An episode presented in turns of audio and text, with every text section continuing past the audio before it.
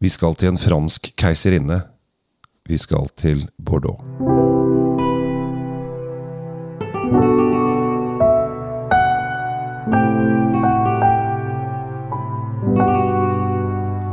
Hjertelig velkommen til en ny episode av Kjell Svinkjeller og Tom Omrati Løvaas Drinkfeed. Tom, i dag så skal vi I dag, i dag har vi flotta oss.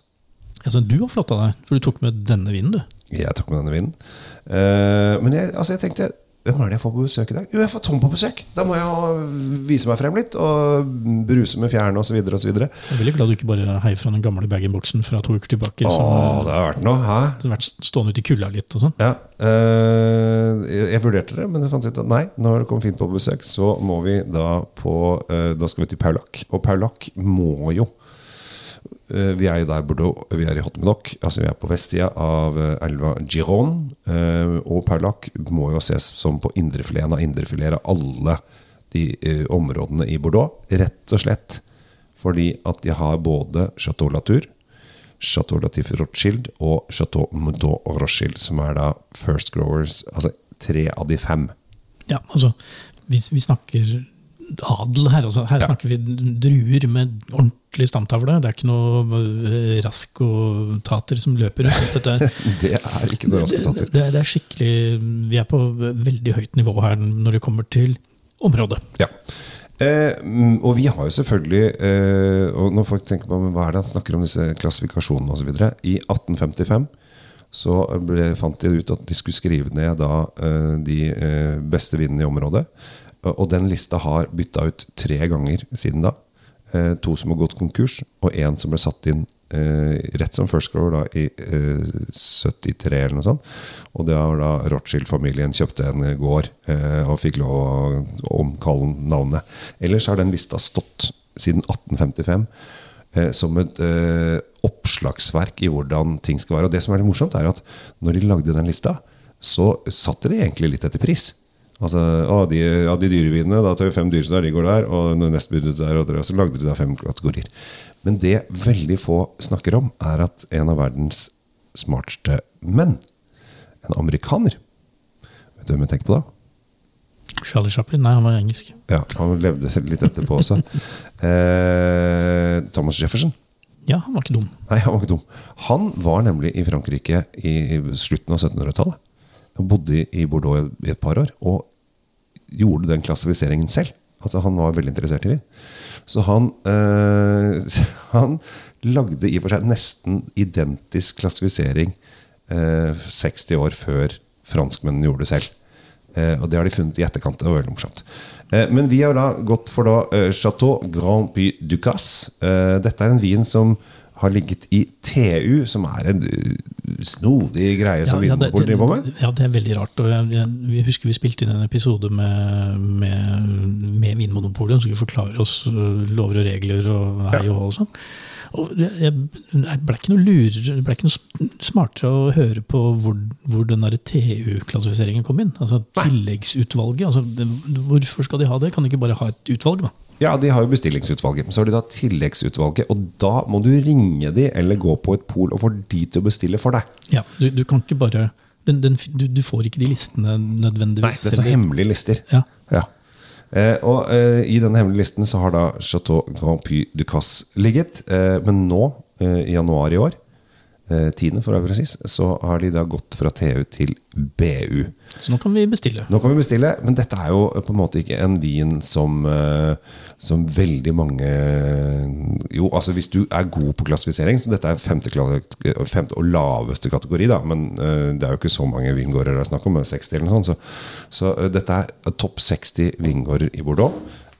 Og i og med at det var du som kom, Tom, så åpner vi en som er tolv år gammel. Ja, Og, um, det er stas. ja.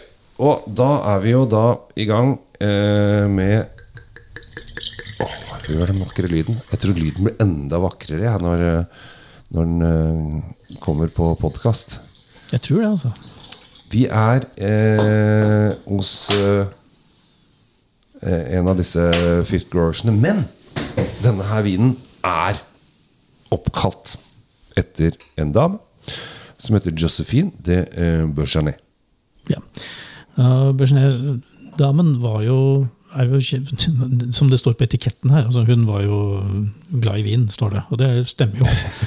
Hun var glad i vin og menn, hun. Og Ja. en av disse mennene var jo en liten mager, skinnmager korsikaner som, eh, som Ja. plutselig eh, fant veien til topps. Og blei jo en av Europas virkelig store karakterer.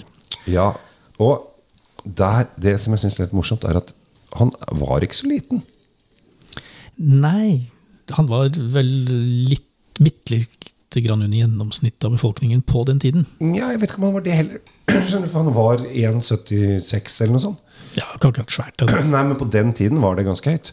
Um, så at han var så liten, det er liksom folk som har prøvd å snakke ned. Og vi snakker selvfølgelig om Napoleon, for de som ikke har, har skjønt det. Dette er Josephine de Bourgogne er den første keiser, franske keiserinnen.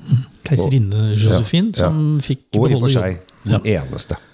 fikk beholde jobben eh, ikke sånn kjempelenge, da, før eh, han bytta henne ut med modell 2 Ja, fra Østerrike. Sånn, Sånn er det. Men det, dette her er jo Vi er da snakk om én av vinene på lista. Vi er snakk om eh, dama til Napoleon, keiserinner. Vi er i det viktigste vindistriktet i Frankrike. Eh, og vi drikker da en Bordeaux fra Parloc. Eh, Hvor morsomt er ikke dette her? altså, vi, Altså, det- vi har, det, er- her har vi kryssa i boka. Her- Nå har du vært flink, eh, Kjell Gabriel.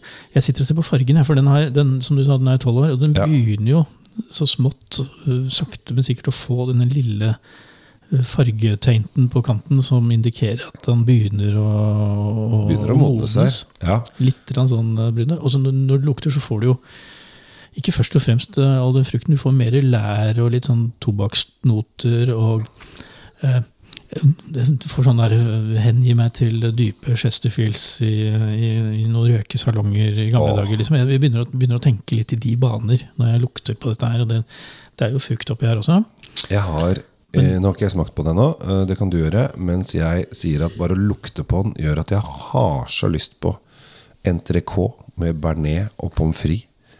Eh, bare for å Altså, jeg tror dette her er den ultimate biff og bearnés-varianten. Nå skal jeg smake også. Fabelaktig konsentrert. Den er fortsatt ung.